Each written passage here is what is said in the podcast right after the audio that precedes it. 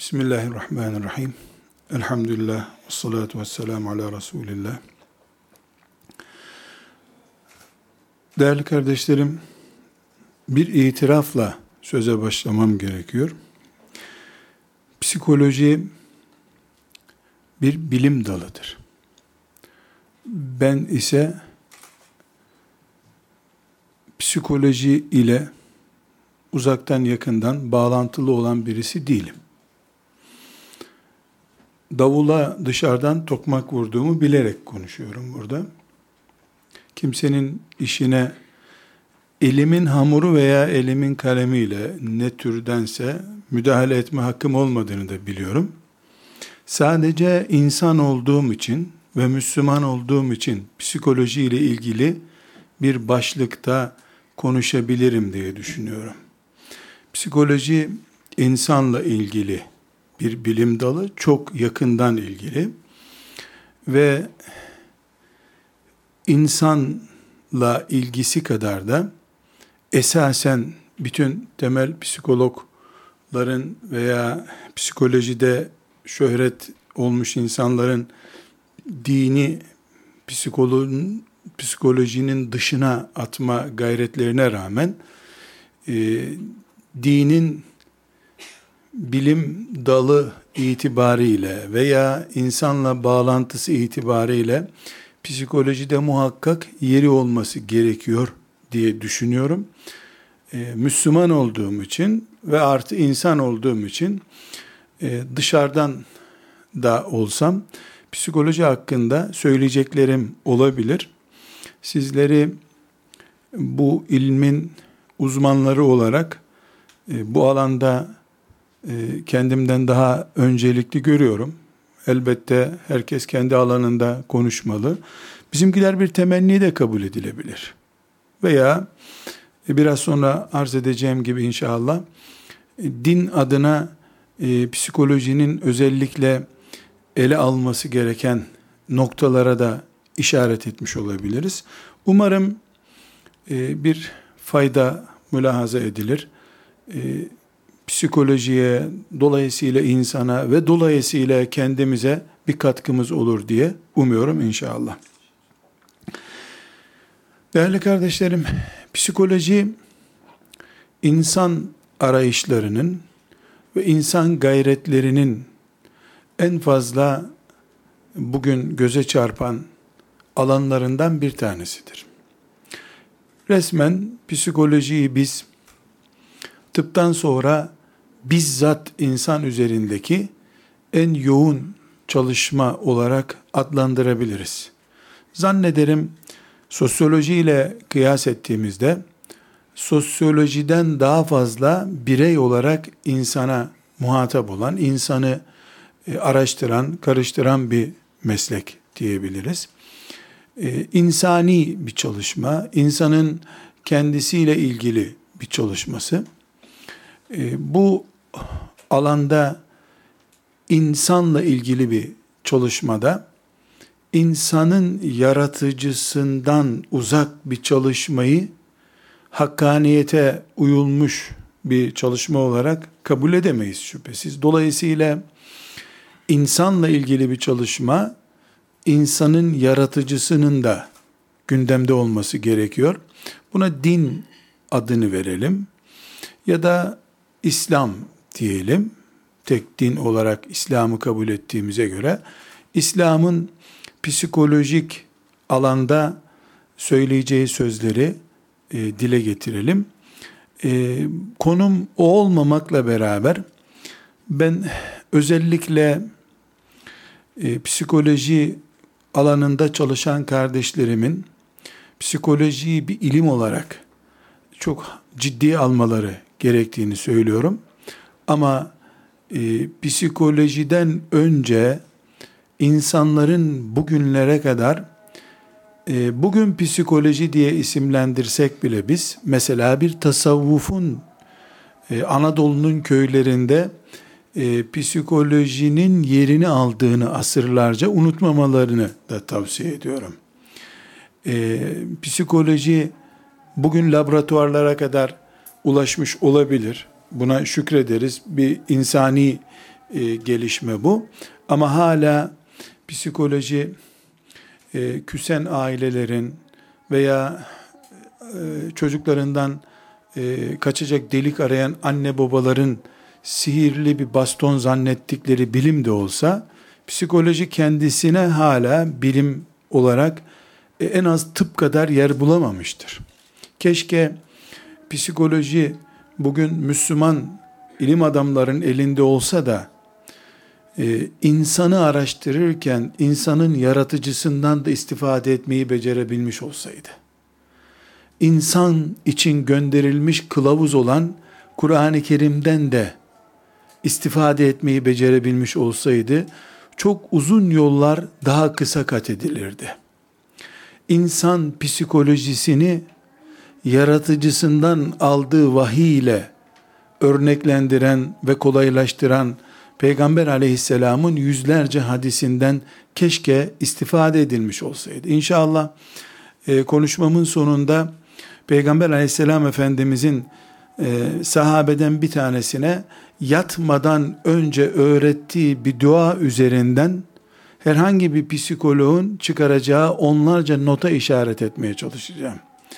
Yani ismi sadece psikoloji değildir ama psikolojiye e, nüve olacak, psikolojiye zemin oluşturacak yüzlerce örnek Kur'an-ı Kerim'de yüzlerce örnek Peygamber aleyhisselam efendimizin hadisi şeriflerinde var.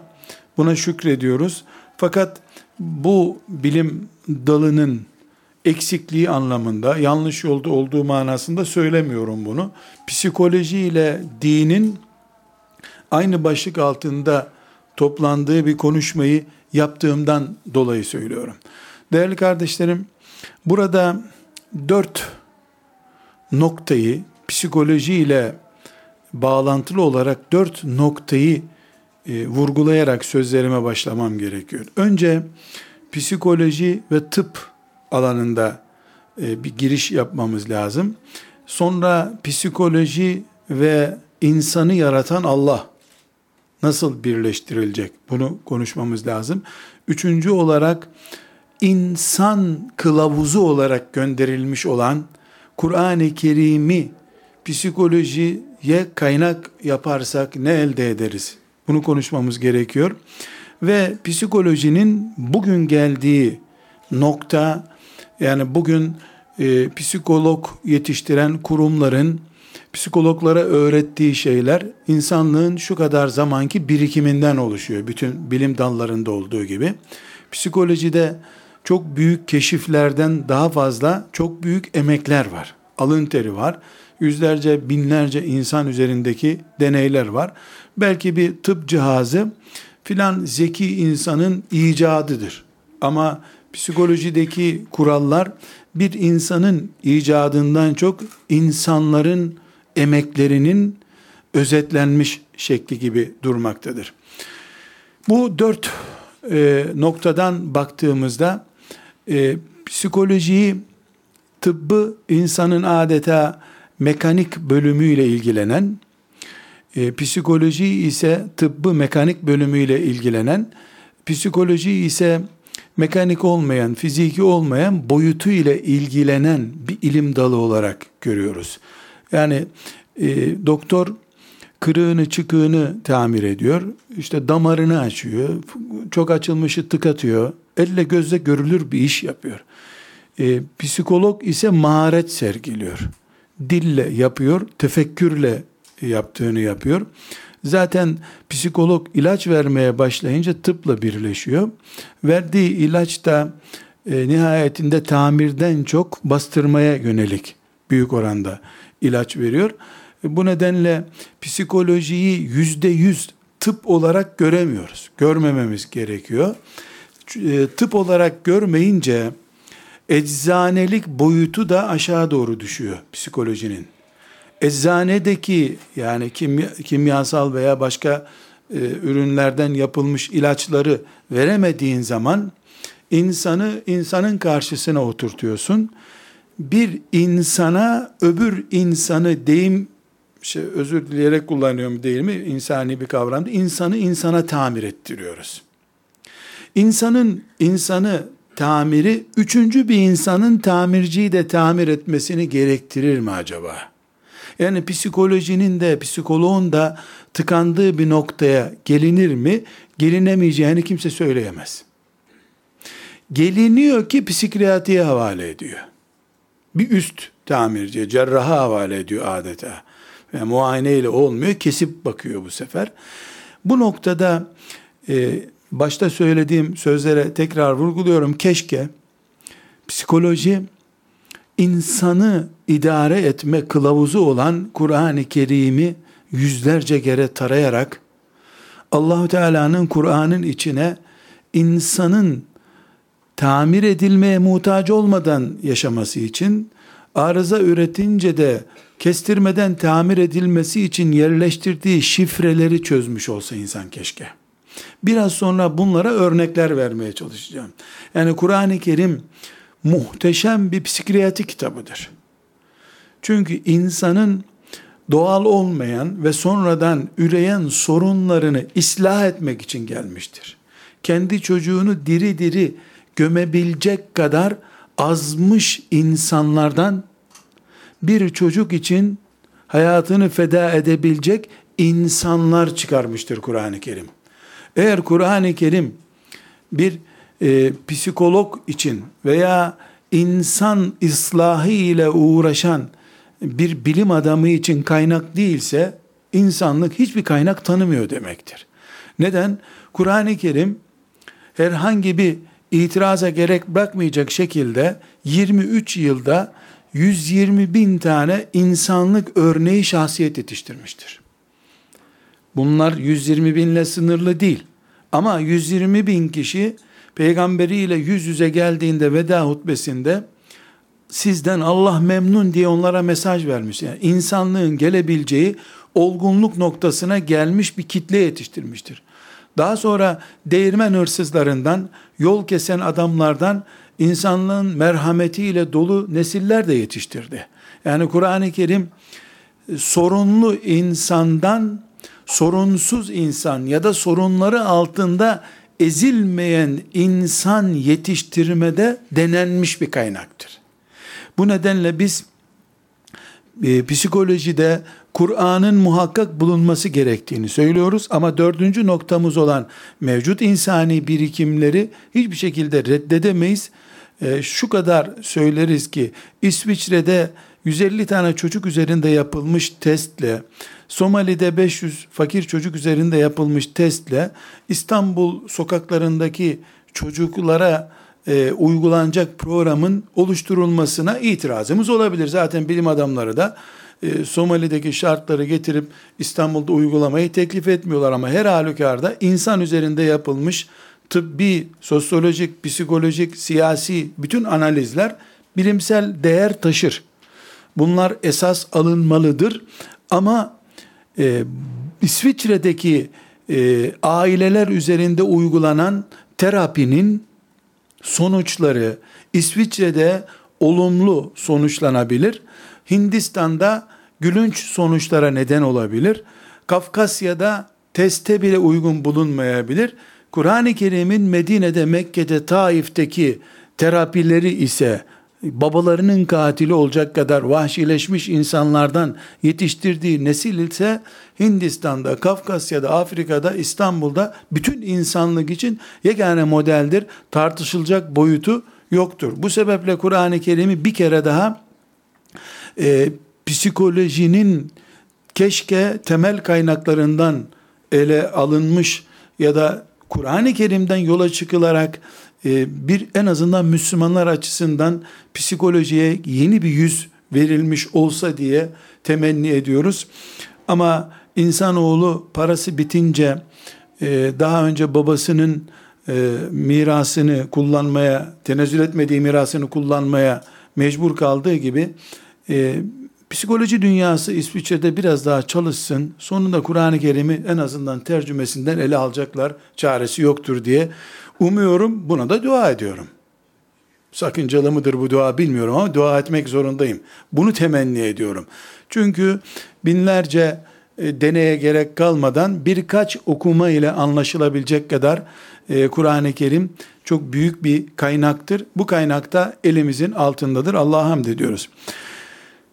Biz psikolojiden söz ettiğimizde Müslüman olarak e, Kur'an-ı Kerim keşke kaynağımız olsa dediğimizde eğer psikoloji insanla uğraşıyorsa ki insanla uğraşıyor ve insanın tıbbın elde edemediği bölümüyle uğraşıyorsa ki onunla uğraşıyor.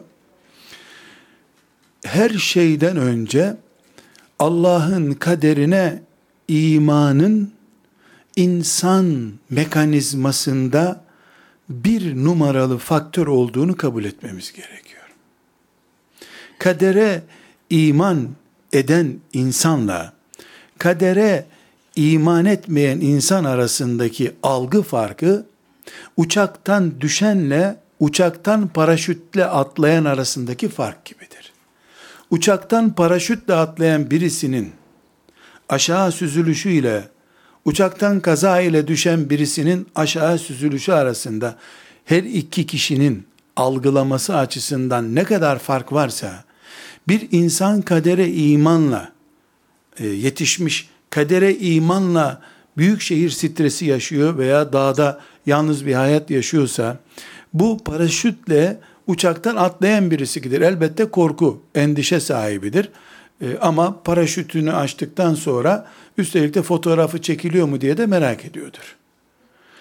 Öbür atlayanın ise bir şey düşünme mecali bile yoktur. Yere düşmeden krizden ölüp gitmiştir o zaten. Aşağıyı bir defa görmesi, düşmeden ölmesi için yeterlidir. Hayata bakan bir gözün, olayları irdeleyen bir düşüncenin, her şeyde son sözü söyleyen ve bu son sözünü de insan yaratılmadan binlerce sene önce bir yere yazmış olan, Allah'ın o yazgısı olan kadere iman etmesi, insanın olayları algılaması açısından böyle bir sonuç doğurur. İman etmeyen için ise psikoloji hayatın daha iyi yaşanması için yeterli olmayacak kadar cılız kalabilir. Tıpkı ne gibi? Yani ciğerleri bitmiş birisinin solunum cihazına bağlanması tıp teknolojisi açısından ne getirebilir? Yani solunum cihazı mevcut zafiyeti giderebilir. Zafiyetin ötesi olmayan ciğere ilave solunum getirilemez. Ee, insanın kadere iman etmesi, asıl hayatının Allah'ın elinde olduğunu, kendisinin cılız tedbirlerle ancak ayakta durabileceğini düşünmesi başka şey. Her şeyi paraya, siyasi güce veya çevre faktörüne bağlayan bir anlayışa sahip olması başka bir şey. Biz Müslüman olarak e, psikolojiye ve insana Kur'an perspektifinden bakma talebimizi gündeme getirirken bu sadece bilimsel olarak bir araştırma e, şeklinde iddiamız değildir. Kur'an'ın kader emrine iman edenler için ciddi bir kaynak olduğunu söylüyoruz. Çünkü Kur'an-ı Kerim ilk açılan sayfasında Bismillahirrahmanirrahim diye bir başlangıç yaptığı zaman Fatiha suresi başlangıç suresi demek hemen karşınızda bu kitap hiçbir şüphe taşımaz gayba iman edenlerin kitabıdır der. اَلَّذ۪ينَ يُؤْمِنُونَ بِالْغَيْبِ Gayba iman edenler. Yani fizikle sınırlandırılmış kafaların Kur'an'dan alabileceği bir şey yoktur. Fizik ötesine cüret edip gidebilenler için kendisini oradan fizik ötesinden beslemeye cesaret edebilenler için Kur'an-ı Kerim temel kaynaktır. Dolayısıyla Kur'an-ı Kerim'den mesela işte şizofrenik bir hastalık için neler öğreniyor Kur'an-ı Kerim diye sayfalarını çevirirseniz şizofreniye şu duaları okuyun bölümünü bulamazsınız. O alanı sömüren sahtekar bulabilirsiniz. Sana Kur'an'dan şu duaları okuyacağım diyen birisini bulabilirsiniz. İşte filan e, hastalık, işte psikolojik bir vakada, işte vesvese hastalığında e, Nas suresini bol bol oku. Orada vesvese kelimesi geçiyor. Sadece bir oyalamadır. Oyalamanın ötesinde Başka bir şey değildir. Çünkü vesvesenin tedavisi minel cinneti ve nas geçen Nas suresini okumak değildir. Gayba imanı otoriter hale getirmektir. Yani Kur'an-ı Kerim'de kadere iman, Allah'ın bizim görme, algılama alanımızın üstünde bizi idare ettiğine imanla başlıyor olması lazım.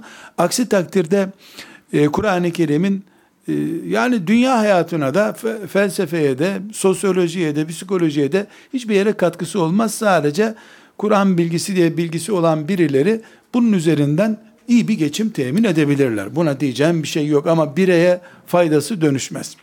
Değerli kardeşlerim, muhterem üstadım, e, Kur'an-ı Kerim'in bize psikolojiye katkı sağlaması için kadere iman etmek gerekiyor. Kader Allah'ın yazgısı dışında bir şey olmayacağını kabul etmek demek. Hastalığı da, hastalıktan kurtuluşu da, kurtulduktan sonraki sonuçların artı ve eksiliğini de Allah'ın yazgısına bağlamaya kader diyoruz. Kadere iman ettik. Yüzde yüz iman ettik. Zaten üç yaşından beş yaşından beri ailelerimiz tekrar ettiriyor. Kitabını bile yazdık. Bunun bir pratiği olması lazım. İman ettik demek değil. Kadere imanın izlenebileceği kavramlar var. Bu kavramlar kadere imanın birey üzerinde izlenebildiği kavramlar baştaki iddiamız olan psikoloji Kur'an'ı kaynak olarak kullanmalıydının çözülmüş noktalarıdır. Bugün insanlık birisine 300 lira muayene ücreti ödeyip bu kadından bıktım söylesene bana idare edeyim bu kadını diye bir psikiyatrik yardım alma ihtiyacı. Sonra da sen bu idare etmen lazım. İşte başka türlü ikinci düğün pahalı olur. Ben böyle sembolik özetleyeyim deyip aile danışmanlığı alıp geri geldi, rahatladı, boşanmaktan vazgeçti. Şeklinde özetleyebileceğimiz mini bir psikolojik vakayı insanoğlu temellerini kaybettiği için yüzeysel olarak tedavi etmeye çalışıyor. Ciğerlerden gelen bir sorunu elinin üstündeki işte aslında ciğerdeki kan analizlerinde belli olan filan mikrobik bir vakadan dolayı elinin üstünde yara çıkmış sürekli oraya merhem sürüyor.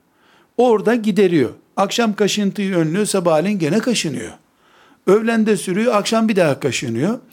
İnsanoğlu e, kadere imanla başlayan ve bu kadere imanın analizi yapıldığında ortaya çıkan kavramları yakalayamadığı sürece sürekli merhem sürecek, elindeki yarayı, kaşıntıyı giderecektir. Ailede, çocuk eğitiminde, psikolojinin orijinal müdahalelerinin bulunduğu her yerde e, eğer şu biraz sonra sayacağım kavramlar e, yerine oturtulmazsa yani bol bol krem üretmek zorundayız biz. İnsanlık bavullarla krem taşımalıdır. O kremleri kaşınan her yerine sürecektir. Sürekli bana söylesene ben çocuğumu dövmeyeyim diyecektir. Ona da birisi ver para, verecek para, muayene ücreti. Çocuğu dövme tamam uygun değil çocuk dövmek. Tamam dövmeyecek. Yani elbette ben bunu e, mizahi boyutuyla anlatıyorum ama müsaade edin hızlı seyredelim bir terapiyi. Hızlı seyredelim. Göreceğiz ki bu hızlı seyrettiğimizde sonuç budur. Yani herkes psikoloğa gidiyormuş bir de biz gidelim. Niye gidiyorsun ki? E çocuk çok yaramaz. Yaramaz ne ediyorsun sen diye sorduğunda hiçbir sözümü dinlemiyor. Ne dedin de dinlemedi. Projemi geliştirecektin de tutmadı. Soramıyorsun. Neden? Çünkü yaşadığı ortam herkesin çocuğunu psikiyatriye, psikoloğa, bilmem ne danışmanını götürdüğü bir kavramdır diye inanmış. Yani bir kere biraz sonra açacağım inşallah. İnsanın anne olduğunda, baba olduğunda, muallim, öğretmen olduğunda, idareci olduğunda, caddelerde yürüyen bir birey olduğunda kaybettiği insani değerleri var. Bu insani değerleri 23 yılda Peygamber Efendimiz babalarının katili olacak, kendi çocuklarını öldürecek kaba insanlara uyguladı. Meleklerle boy ölçüşecek bir yeni nesil yetiştirdi. Müslüman toplum olduğumuz halde bunu kaybettiğimiz için ithal değerlerle huzur aramaya başladık. Bunun adının hangi bilim dalı olduğu çok önemli değil. Kadere imanla ancak giriş yapabiliriz dedik. Kadere iman inandık bir de noter ya da müftülük olur herhalde. Kadere iman noterden onaylanmaz. Müftülüklere gidip kadere inandığıma dair belge de aldım. Test etti müftü bey. Baktı ki hakikaten kadere inanıyorum. Kaderle ilgili ayetleri de ezberledim. Bu kadere iman değildir. Kadere iman bir, sabır testinden geçmeyi gerektiriyor. Çünkü kader, Allah'ın planının uygulanışını beklemektir. Bu da sabır gerektiriyor. Bu filmin en sonunu seyretmek istiyorum diyen hiç kimse film seyredemez. Filmin sonu beklendiğinde görülür. Buna biz Kur'an literatüründe sabır diyoruz. Onlarca ayetinde Kur'an-ı Kerim sabredebilenlerin aradıklarını bulacaklarını söylüyor. Dolayısıyla mümin insanın bünyesinde bir sabır yatırımı olması lazım. İki, Allah'tan razı olmak gerekiyor. Zorunlu mümin değil, ihtiyari mümin olmak gerekiyor. Hep birbirimize bir iyilik yapıldığında Allah senden razı olsun kardeşim diyoruz. Keşke sen de Allah'tan razı olasın bir gün deyiversek. Hep Allah'ın bizi beğenmesini istiyoruz da biz insan olarak Allah'ı beğenip beğenmediğimiz belli değil henüz. İman ettik başka türlü buralarda yaşayamazdık zaten gibi bir pozisyon var. İnsanın Allah'ı beğenmesi ki biraz önce örnek verdiğim ashab-ı kiramı Kur'an tanıtırken Allah onlardan razı, onlar da Allah'tan razı diyor. Bu razılık kesişmesiyle beraber aranan nesil çıkmış ortaya. Allah'tan razı olmak ne demek? Sana e, erkek çocuk beklerken ikiz kız çocuğu vermiş. Olmadı ya hesaplar tutmadı. Demek başka bir şey. Benim ne isteme hakkım vardı ki hiç vermese ne diyecektim? Tamam ya Rabbi buysa bu diyebilmektir. Şöyle yakışıklı bir Alman sarışını beklerken Afrika kıvırcığı çıkmış karşına. Benim değil ki zaten kendi hazinesinden veriyor. Herhangi bir alacak tahakkuku söz konusu değil ki. Çocuğundan bu mantıkla bir doğum günü başlatamamış anne babayı psikolojinin getirebileceği hiçbir nokta yoktur. Sadece ona merhem sürecektir sürekli. Esasen baba anne gündeme getiremiyordur hiçbir zaman ama aradığı çocuk o değildi. Aradığı çocuk o değildi. Anne ve baba e, ne diyor mesela? Biz düşünmüyorduk ama olu verdi çocuk diyor. Düşünmüyorduk diyor. Psikiyatrik bir vaka bu. Anne baba düzeyinde bir vaka ama. Yani ne zamandan beri Kur'an kültürünü konuşuyorum. Bilimsel olarak ben yokum zaten. Tokmağımı dışarıdan vuruyorum bu davula. Ee, benim iman ettiğim değerleri konuşuyorum. Anne ve baba olmak çocuk yapmayı planlama uzmanlığı değildir ki. Allah'ın insan yaratmayı irade, takdir buyurduğu zaman laboratuvarı olmaktır Allah'ın. Bu laboratuvar olmayı lütfedip çocuk yapma düzeyinde gördüğü için anne baba uygun buldukları standartlarda değilse çocuk zaten iç sorunu başlıyor. Bu nedenle kaderin pratikte var olup olmadığı kadere imanın sabırla belli olur dedik, rıza ile belli olur. Mümin köyde yaratıldıysa şehirliği kıskanmaz. Şehirde yaratıldıysa dere kenarında bir evim olsaydı demez. Rabbim burada takdir etmişler. En iyi şartlarda nasıl yaşayabileceksen burada böyle yaşarım der. Teknik yaşamından insani kimliğine kadar rıza gerek. Üçüncü olarak kanaat söz konusu. Kanaat insanın cebinin doyması, dolması için uğraşmasıdır. İnsanlık bugün cebinin ve kasasının dolması sürecini sıfırlamış, gözünü doyurmak için uğraşıyor.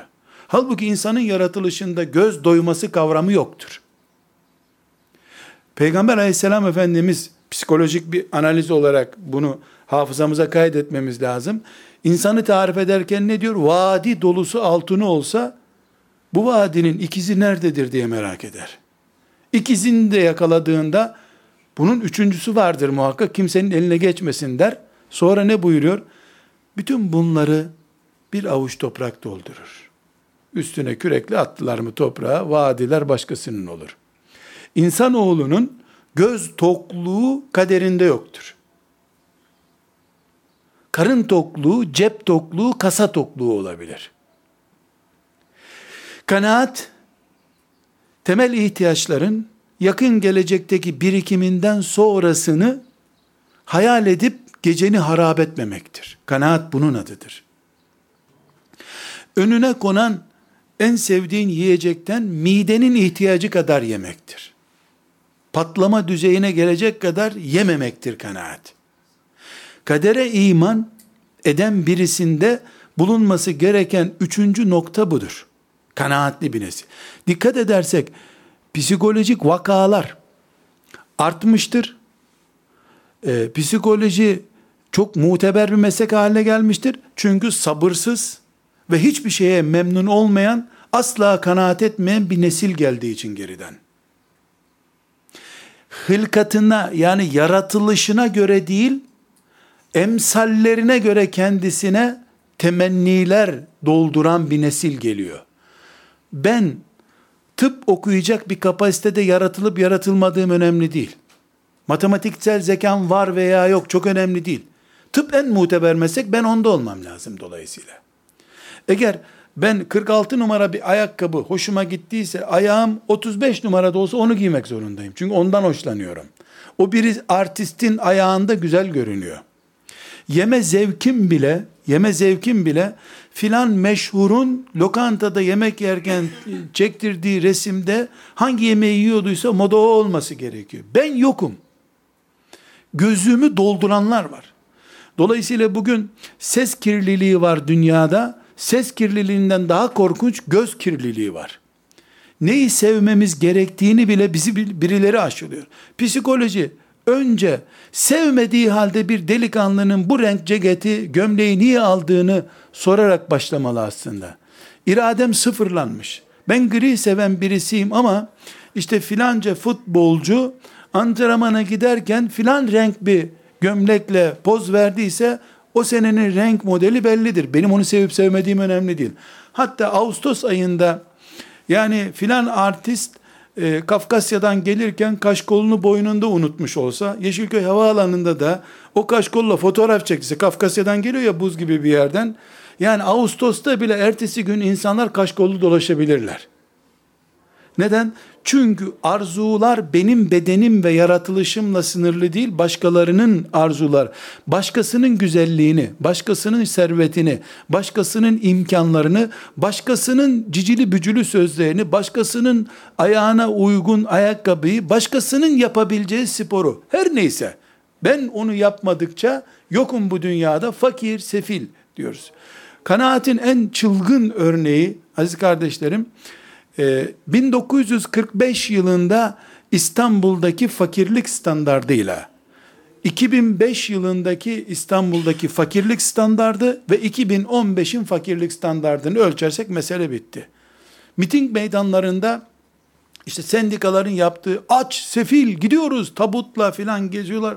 Zannedersin ki Somali'den işçiler gelmiş Ankara'da miting yapıyorlar. Aç, sefil ağzında yabancı sigara ama sefaletten, açlıktan yerli sigara bile alamıyor. Daha pahalı. Yani sigara tüketen bir adam açlık iddiasında bulunabilir mi? Ankara'ya miting yapmak için para verip uçakla gelmişsin sen. Uçakla ve Ankara'da sefalet edebiyatı yapıyorsun. Yanlış demiyorum. Fakirlik doğru ama 1945 ile 2015 arasında kavramın nasıl alabora olduğunu söylüyorum. 1945'te ekmek karnesi bulan kendisini dünyanın mutlu insanlarından biri hissediyormuştur herhalde. Biz o günü görmedik. Ama ekmek karnesi bulmak bir çuval para bulmaktan daha değerli.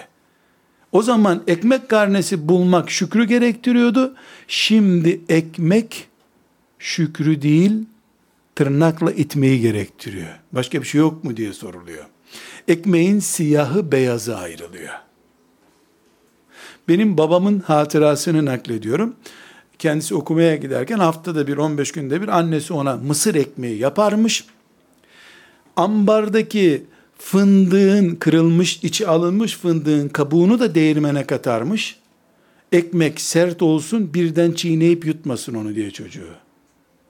Zaten mısır ekmeği şimdi hayvan yiyeceği. Mısır ekmeği zaten kıtır kıtır odun gibi. Bir de onun içine bir odun çeşidi olan fındık kabuğu katıyor. Fındık bir şeye katılıyor ve çikolata oluyor. Onu kastetmiyorum. Fındığın içi çikolataya katılıyor. Bu kabuğunu ekmeğe öğüdüp katıyor. Çok yemesin çocuğu ekmeği diye. O nesil ve bu nesil arasında fiziksel bünye olarak hiçbir şey değişmedi. Bir şey değişti, kanaat yok. Yeter, yetmez, yetmez. Bu kadarı tamam mı yetmez. Kendisi 25 kilo olan bir çocuk, annesinden şöyle izin alarak yavrum sen sofrayı kur bakalım kahvaltılığı ihtiyaçları sen koy dendiğinde 25 kiloluk çocuğun önüne koyacağı çok elle vesaire benzeri çocukların sevdiği ayalı boyalı şeylerden bir bakın 5 kişilik mi koyuyor? Bir çocuğa yetecek iki çay kaşığı kadarı mı koyuyor? Yiyemeyeceğini kendisi bildiği halde sanki ilk defa hayatında görüyor gibi sofraya ne varsa getiriyor. Peyniri kiloyla koyuyor sevdiği peynirse. Her peynir yenmez zaten. Kaybedilen bir kanaat mefhumumuz var. Dördüncü olarak kaybettiğimiz değer şükür değeridir. Şükür memnuniyet göstermektir. Biz sadece Allah'a değil insana da şükretmek zorundayız. Peygamberimiz aleyhissalatü vesselam insanlara teşekkür etmesini bilmeyen Allah'a da teşekkür edemez diyor. Bu hem psikolojik hem sosyolojik bir vakadır bu. Bu teşekkürü, e, kek çok güzel olmuş anneciğim, teşekkür ederim. Çok harika, bir daha yap tamam mı arkadaşlarım gelince diyen teşekkür demiyorum. Bu krem çünkü. Bu cilt üstü kullanılıyor. Hayatta var olmasının temel nedeninin annesi olduğunu unutan çocuğun teşekkür bilmediğini söylüyorum. Kur'an senin hayatta olmana sebep olan anne ve babana teşekkür et diyor. Çocuk bunu öğrenmedikten sonra diplomatik saygı öğretilebilir okullarda ona. Diplomatik saygı yapar. Anne ve baba harçlık gücü yüksek bir anne baba ise otomatik olarak çok teşekkür görür tabi. İşçi emeklisi ise onun teşekkürünü anneler gününde, babalar gününde görmesi gerekir. İnsan teşekkürü yani bir başkasına minnettar olmayı unutmamalıdır.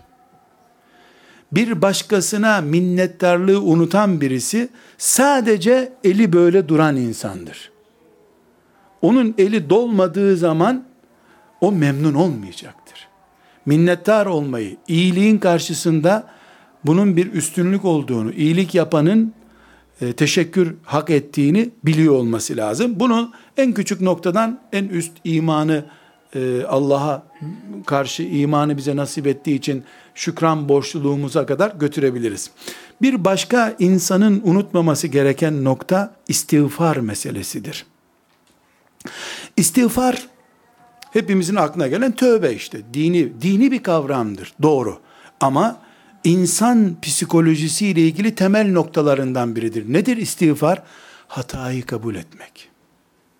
Hatayı kabul etmek. En temel kaybedilmiş noktalardan biridir.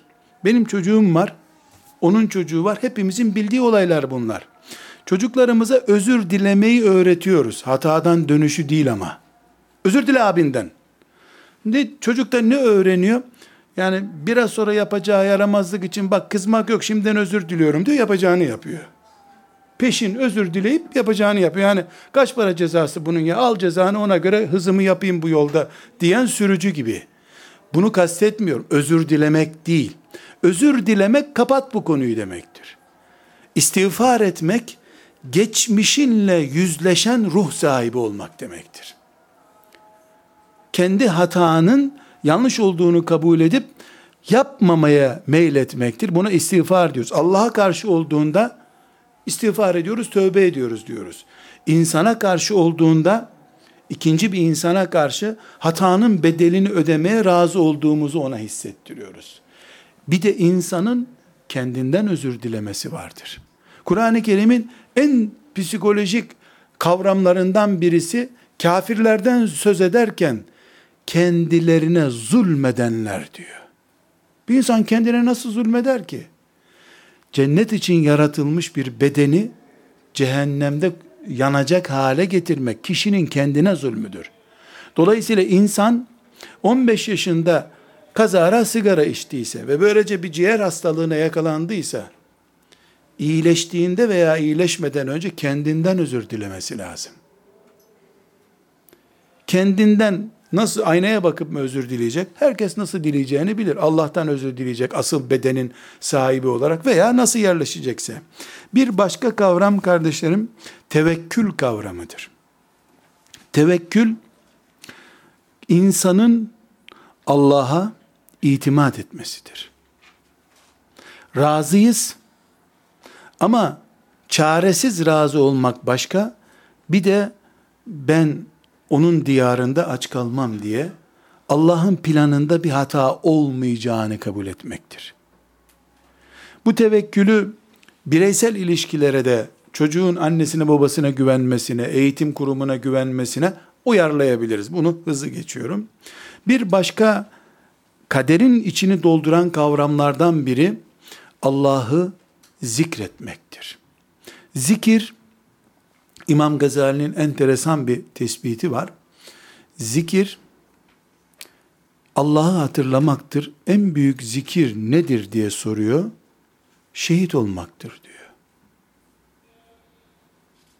E, şehit nasıl Allah elinde tesbih Allah Allah diyen birinin yaptığına zikir diyoruz. Çünkü Allah'ı hatırlamak vay be Allah var demek değildir diyor. Sen varsın varsın ben de bildiğimi yaparım demek Allah'ı hatırlamak değildir diyor.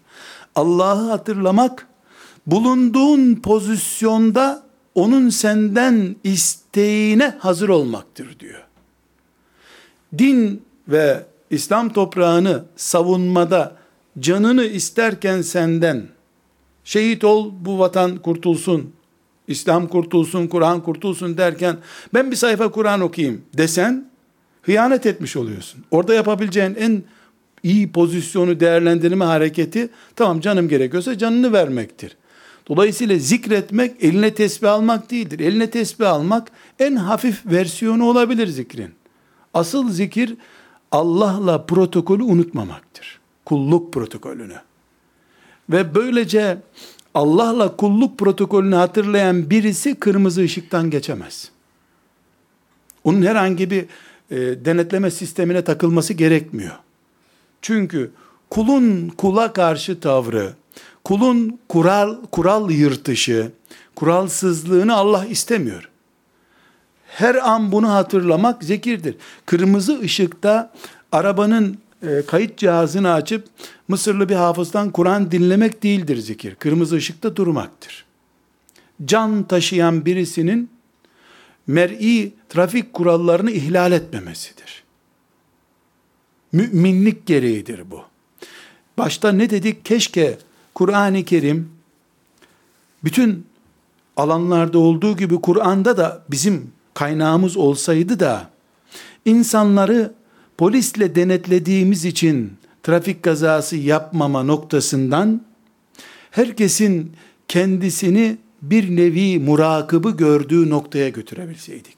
Kur'an'ın yaptığı bu. İşte baba katili, çocuk katili insanlara bunu yaptı Kur'an-ı Kerim ve onları huzurla sağladı. Huzurlu bir hayat getirdi onlara. Ve son nokta sabrın e, başında bulunduğu rıza dediğimiz, kanaat dediğimiz, şükür dediğimiz, istiğfar, tevekkül ve zikir dediğimiz şeylerin sonuncusu da duadır. Dua etmek aslı hatırlamaktır. Bir insanın bunaldıkça dua etmesi rahatlamasıdır. Dua edemeyen sövmek zorundadır. Affedersiniz. Bağırmak zorundadır. Eli güçlüyse de dövmek zorundadır. Çünkü insan affedersiniz yediği şeyleri dışkı olarak ifrazatla dışarı atmaya mecbur olduğu gibi gördüğü şeylerin, kulağından dolan şeylerin, okuduklarının, tefekkürünün de dışkısı vardır. Bu dışkı herhalde tuvalete gidilerek e, telafi edilemeyecektir. Ne yapacak o zaman? Yapacağı şey sövecek. Vuracak. Rahatlayacak.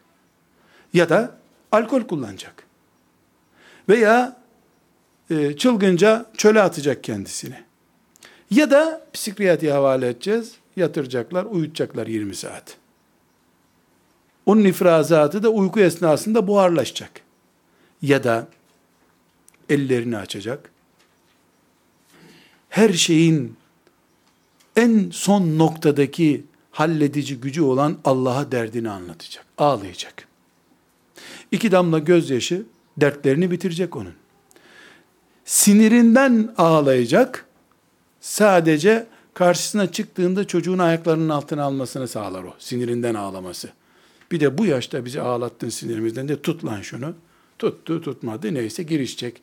Ya da herkesi uyutacak, çocuğunu uyutacak, seccadesinin başına geçecek. Rabbim diye başlayacak. Peygamber de böyle yaptı. Karşısında bin kişilik hazırlıklı bir ordu buldu. 314 tane silahsız insanla oradaydı Bedir'de. Döndü kıbleye. Rabbim dedi. Sana kulluk eden tek ümmetiz biz şimdi. Bunla, bu kullarını burada helak edersen sana kulluk edecek kimse kalmayacak Rabbim. Yardım et bize dedi. Ebu Bekir bile en yakın arkadaşı radıyallahu anh yeter ya Resulallah ağlama bu kadar. Tamam Allah seni utandırmaz dedi. Neyin sembolü bu? Yani bir noktaya kadar dayandı. Bağırıp çağırma, ağlama, sızlama yerine Rabbi ile baş başa kaldı. Duanın asıl fonksiyonu da budur. Bizdeki sıkıntı baştan beri kaybettiğimiz şeyler diyoruz ya. Duayı mesela biz ne olarak algılıyoruz? Kadir gecesi camide yapılan toplu dua. Düğünlerdeki toplu baklava pasta gibi bir şey bu. Pasta toplu kesildiğinde sana ne düşüyor ki 50 kişi pastaya çullanıyor zaten. Senin parmakların kirleniyor, gömleğin kirleniyor. Orada başka bir şey olmuyor. Nasıl evde kendin bir pasta yemek farklı bir şey. Aynı şekilde duanın da özel bir fonksiyonu herkes tarafından hissedilmeli. Burada e, psikolojinin sorunları tespit edilirken e, şu şu alanlar zikredilebilir ama ben Kur'an-ı Kerim'in insanla ilgili sorunların kaynağında bunları çözün, insan kendiliğinden çözülür dediği şeyler var. Onlara hızlı bir şekilde zikredeyim zannediyorum vakti çok e, ölçüsüz kullandım. E, insanda bir nefis kavramı var. Şeytan var, cin var, şehvetler diye bir kavram var ve gazap Kur'an-ı Kerim'in deyimleriyle sinir sistemi var. Bunlar üzerindeki bir araştırma sorunların kaynağını gösteriyor. Elbette tek başına bunlar değil ama Kur'an perspektifinden bakıldığında sorunlar buradan kaynaklanıyor diyor Kur'an-ı Kerim. Bu kavramları çözeceğiz. Özellikle bu asrın e, yaşadığımız teknoloji asrının e, psikolojik vakalarını psikolojideki bilim adamları nasıl çözüyor baştan sona bilemiyorum. Bilmem de zaten gerekmiyor. Ama Kur'an penceresinden bakıldığında psikolojik vakalardan e, altı noktanın çözülmesi gerekiyor. Bunlar çözülmedikçe psikoloji eninde sonunda psikiyatri olacaktır. Yapacağı hiçbir şey yoktur. Ya da sürekli merhem süreceğiz kaşıntıyı önlemek için. Akşam önleyeceğiz sabahleyin kaşınacak gene. Bunların birincisi insanoğlu teknolojinin yardımıyla fazla vakit bulur olmuştur. Bir çocuğun ihtiyacından fazla para bulunca bataklığa düşme ihtimali ile tüketemediği vakit bulma ihtimali tehlike açısından aynı. Fazla vakit insanlığın sorunudur. Kavganın da sorunudur. Eşler arasındaki huzursuzluğun da sorunu, tembel çocuğun da sorunudur. Tembelin fazla vakti vardır aslında. Bünyesiyle, kapasitesiyle vakti arasındaki denklem yanlıştır.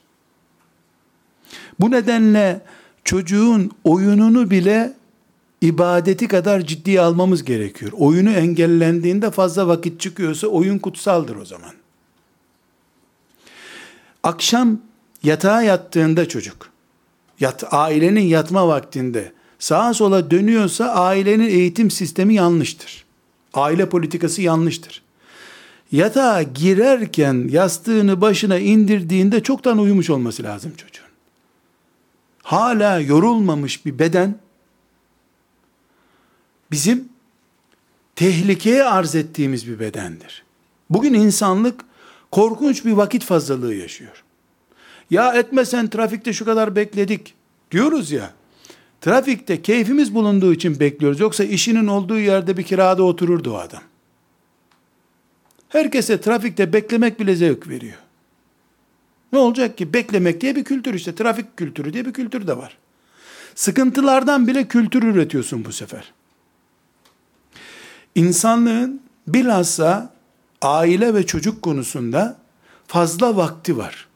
Teknoloji bunu sağladı. E, mesainin mesela 8 saate daraltılmış olması sağladı. Derslerin 40 dakika 50 dakika ondan sonra teneffüs olması sağladı. Niye Anadolu'da insanlar 60 e, sene hiç kavga gürültü etmeden e, yaşıyorlardı da torunlarını görüp ölüp gidiyorlardı da şimdi 6 ay sürmüyor evlilikler. Niye sürsün ki? Adam bir defa balayı nedir bilmiyordu. Düğünü olduğu gün tarlaya gidiyordu zaten. Tarladan geliyor, düğün yapıyordu. Öbür gün eve geldiğinde adam sen ne yapıyorsun hanım diyecek mecali yok ki zavallının. Onun yerine traktör kondu, beyefendi de kahveye geçti şimdi. Kahvede sen ne yaptın ben ne yaptım da ömrü geçiyor. Film seyrediyor. Köylülerin 50 sene önceki hayatındaki boş vakitle şimdiki boş vakit arasında bir ölçü yaptığımızda şimdiki boş vaktin insanı yuvarlayacak kadar bir hava boşluğuna dönüştüğünü görüyoruz. Çocuklarda da bu böyle. Bir ikinci sorun erken doyum hastalığı çıktı bu asırda. Ben 7 yaşındayken babam telefon aldı. 23 56 11 numaramız buydu. 23 56 11. O zamanlar İstanbul'da numaralar böyleydi. Sonra 5 geldi, 6 geldi başlarına. O telefon senelerce beklemiş 1967'de. 4 sene mi ne beklemiş telefon için. Onun için bir metrekareden büyük bir dolap yaptırdı. Cam bir dolap. O dolaba hususi kilit yaptırdı. Kaza ara çaldığında telefon onu açana kadar susuyordu zaten. Törenle açılıyordu. Bütün sorunu beş kardeş olarak merak edip bakarız nedir bu diye. Şu şekilde çevrilen bir telefondu. Şu anda onlar yok. O telefon benim şu anda e, odamda bekliyor. Çünkü onun yüzünden başıma gelenleri bir ben biliyorum.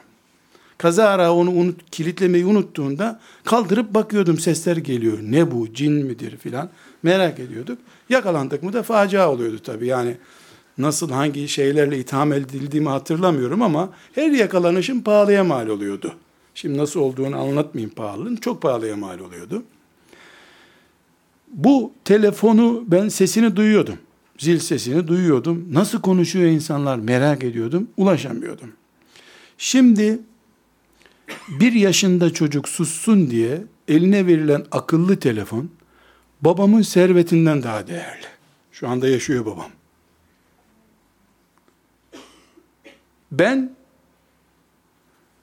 bugün çöp kutusu statüsündeki bir cihazı tutabilmek için dayak yemeye razı oluyordum. Şimdi bir yaşında çocuğun eline akıllı telefon veriliyor. O onu kullanmayı biliyor. Resmini çekiyor, kamerasını çekiyor. Önceki resimleri ona gösteriliyor. Ağlamıyor çocuk. Bu nimettir derim. Ama 10 yaşında bu çocuğa ne verilecek merak ediyorum. 20 yaşında ne verilecek merak ediyorum.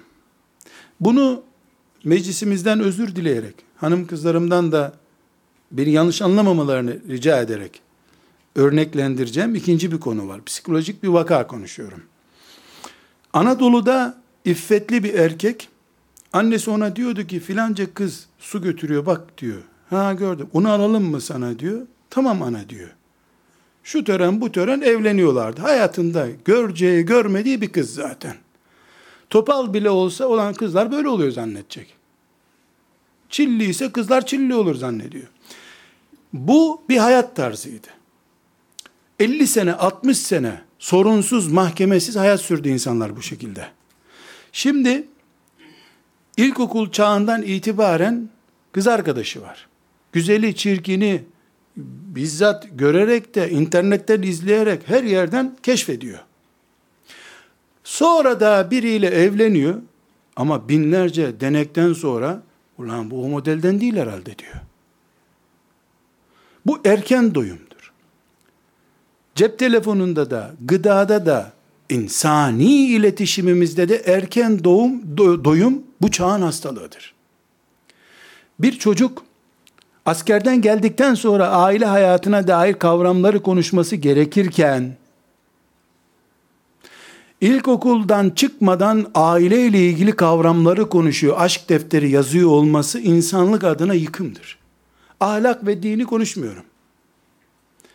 Bu, bu kıza ve bu erkeğe senin ailen olabilir standardında kim sunulabilir? Bu niye böyle oluyor, medya yapıyor? Bu tip konulara da girmiyoruz şimdi. Biz psikolojik sorunların e, Kur'an perspektifinden bakıldığında e, nasıl incelendiğini örneklendirmeye çalışıyorum. İkinci sorun bu. Erken doyum ciddi bir sorun. Gıdada da sorun.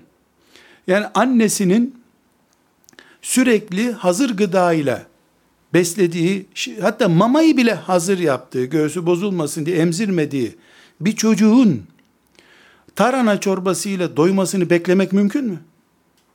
Böyle bir çocuk hanımının doğum yaptığı veya hasta olduğu bir gün evde istediği türden pastalar mastalar yoksa kadın öyle bırakıp kendisi yemeğe gidecek bir lokantaya.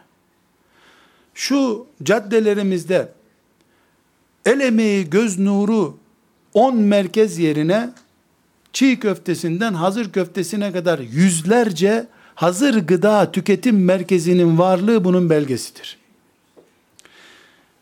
Hocam vakit sorunumuz mu var? Benim derse gitmem gerekti. Lütfen hocam biz vaktimizi açtıysak bırakabiliriz de. Estağfurullah. Ben derse gitmem gerekti. Sizin psikolojik vakanıza dönüşmeyeyim ben. Sağ olun. Teşekkür ederim.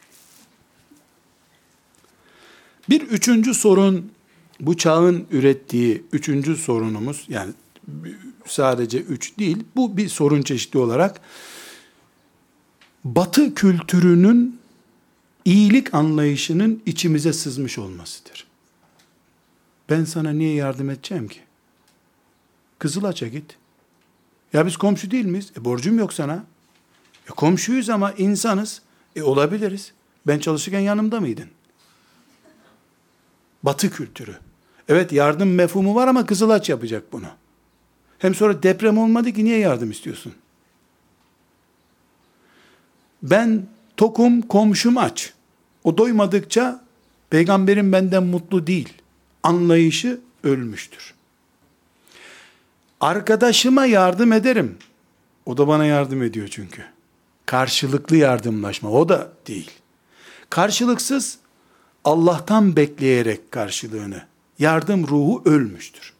Dolayısıyla insanların ilgi alanları kendileri ve kendisi puttur insanı. Kendi put. Herkes kendine tapınıyor. Yani humanizm becerilip ilah haline getir. Herkes kendi kendine tapındı. Eskiden mesela cahiliye toplumunda bir taşa tapınıyordu. Şimdi herkes aynaya bakıp kendine tapınıyor. Hale geldi netice itibariyle. Kendisi bir, eşiyle kavga etmediyse eşi, kavga ettiyse eş de gitti zaten. Bakmak zorunda olduğu çocukları insanlık bitmiştir. Bitti.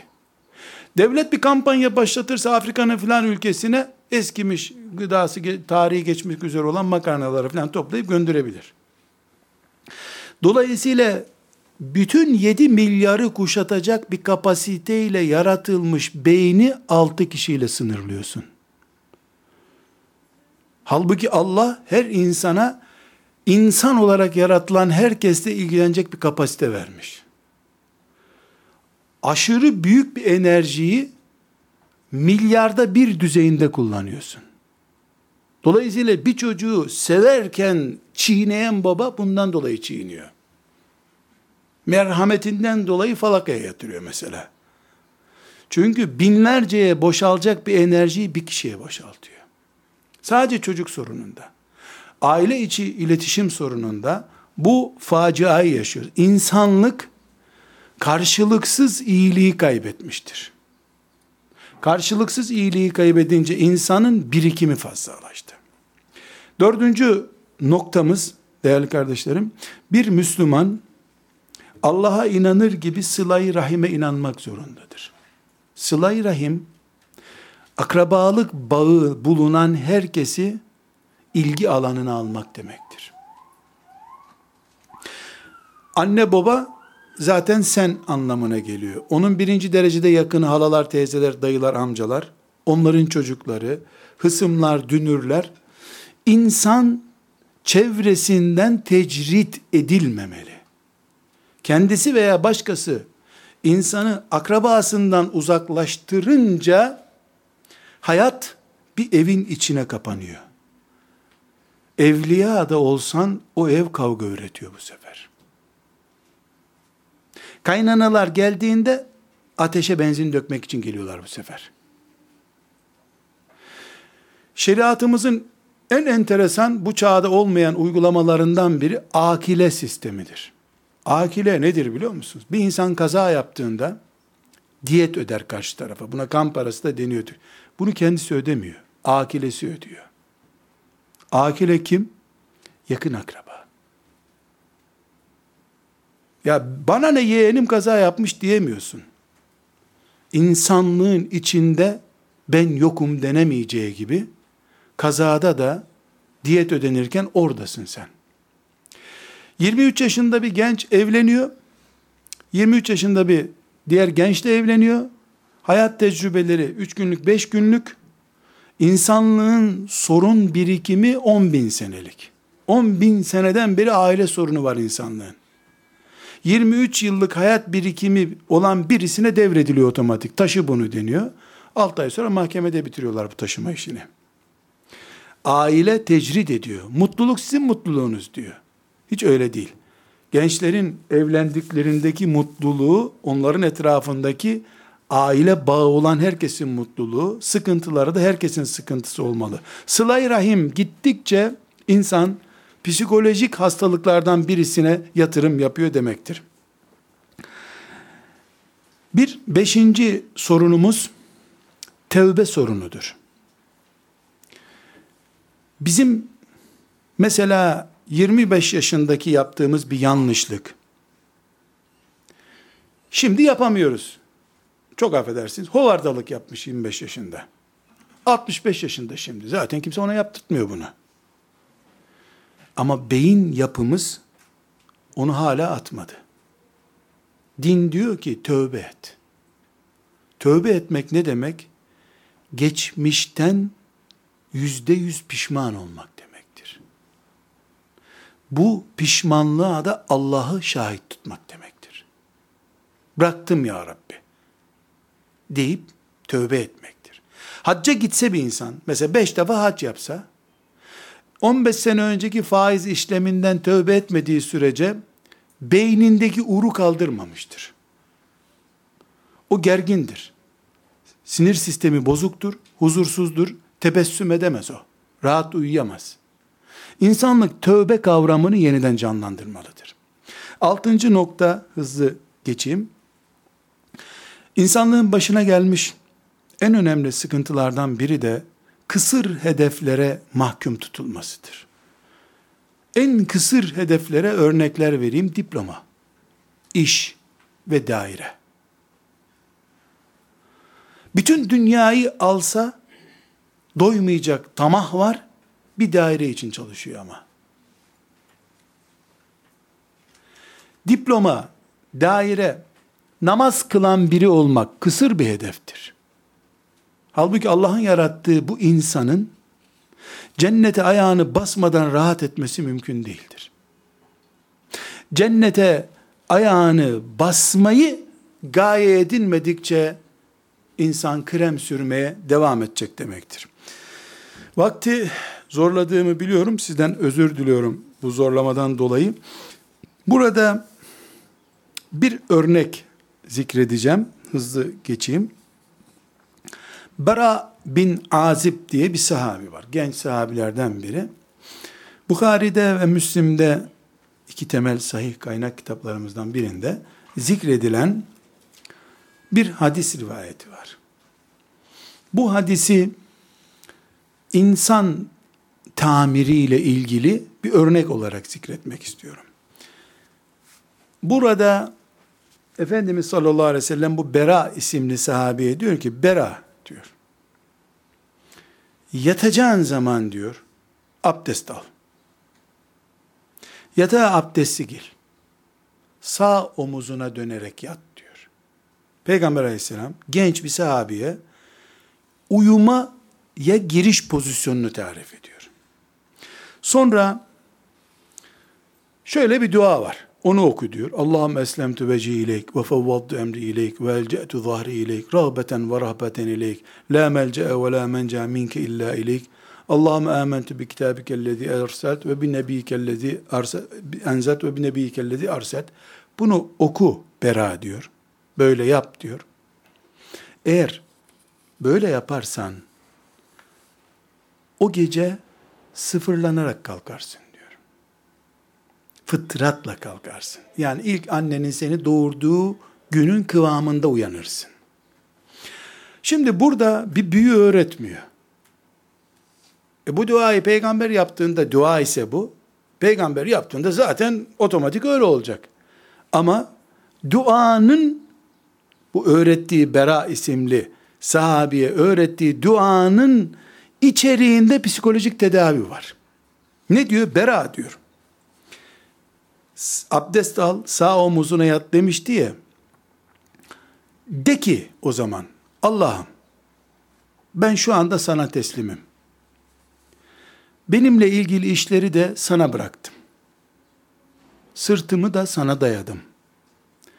Bilsem de bilmesem de, istemesem de istemesem de zaten böyle bu iş. Ben senden başka hiçbir dayanacak gücüm olmadığını biliyorum. Peygamberine de iman ettim, kitabına da iman ettim. De yat diyor. Amentü yoku demiyor. Bunu yaparsan Sabahleyin kalktığında fıtrat üzere kalkarsın diyor. Fıtrat üzere demek doğduğun gibi sorunsuz kalkarsın. Buradaki sorun işte terapi ücreti alınıyor ya, ücretsiz terapi yapıyor Peygamber aleyhisselam Efendimiz. Hayatı yenile diyor. Yaratılış ayarlarına dönüyorsun. Bana ne la Allah var. Ne yapacaksa yapsın. Deyip huzur içinde yatan bir adam düşünüyorsun. Bir de elini yastığına koyunca şu zarar, bu sıkıntı diye stresten uyuyamayan birini düşünüyorsun. Peygamber aleyhisselamın önerisiyle bizim muhtaç olduğumuz şeyin ne kadar örtüştüğünü görmüş oluyoruz. Burada rüya, imanın kapsayıcılığı, sevgi, irade kullanımı, aklımızın olgunlaştırılması, toplumsal yaşamanın din ölç, dini boyutu ve ailenin oluşturulmasındaki Peygamber aleyhisselamın gösterdiği inceliklere dair notlarım da var ama e, daha fazla uzatmayayım. E, ben müsaadenizle sözlerimi tekrar toparlayacağım. E, psikoloji ve dinin birleştiği yerden sesler çıkarmaya çalıştım. Bilim olarak psikolojide konuşma hakkımız olmadığını biliyorum. Ama insanım, psikoloji de benimle ilgileniyor, söyleyeceklerim var. Psikoloji beni dinlemek zorundadır. Hep hastaları mı dinleyecekler? Ben insan olarak konuşmam gerekiyor. Benden önce peygamberim konuşmuş zaten ve insanı yaratan konuşmuş. Bugün insanlık keşke psikolojiye muhtaç olmasaydı. Keşke sadece deli dediğimiz insanlar tedavi görselerdi de çok aklından dolayı çocukları psikiyatriye götürmeselerdi. Keşke böyle olsaydı diye dua ediyorum. Sözlerimi de bu şekilde bitiriyorum. Hem geciktiğim için hem de sözlerimi uzattığım için hakkınızı helal etmenizi rica ederim. Selamun Aleyküm.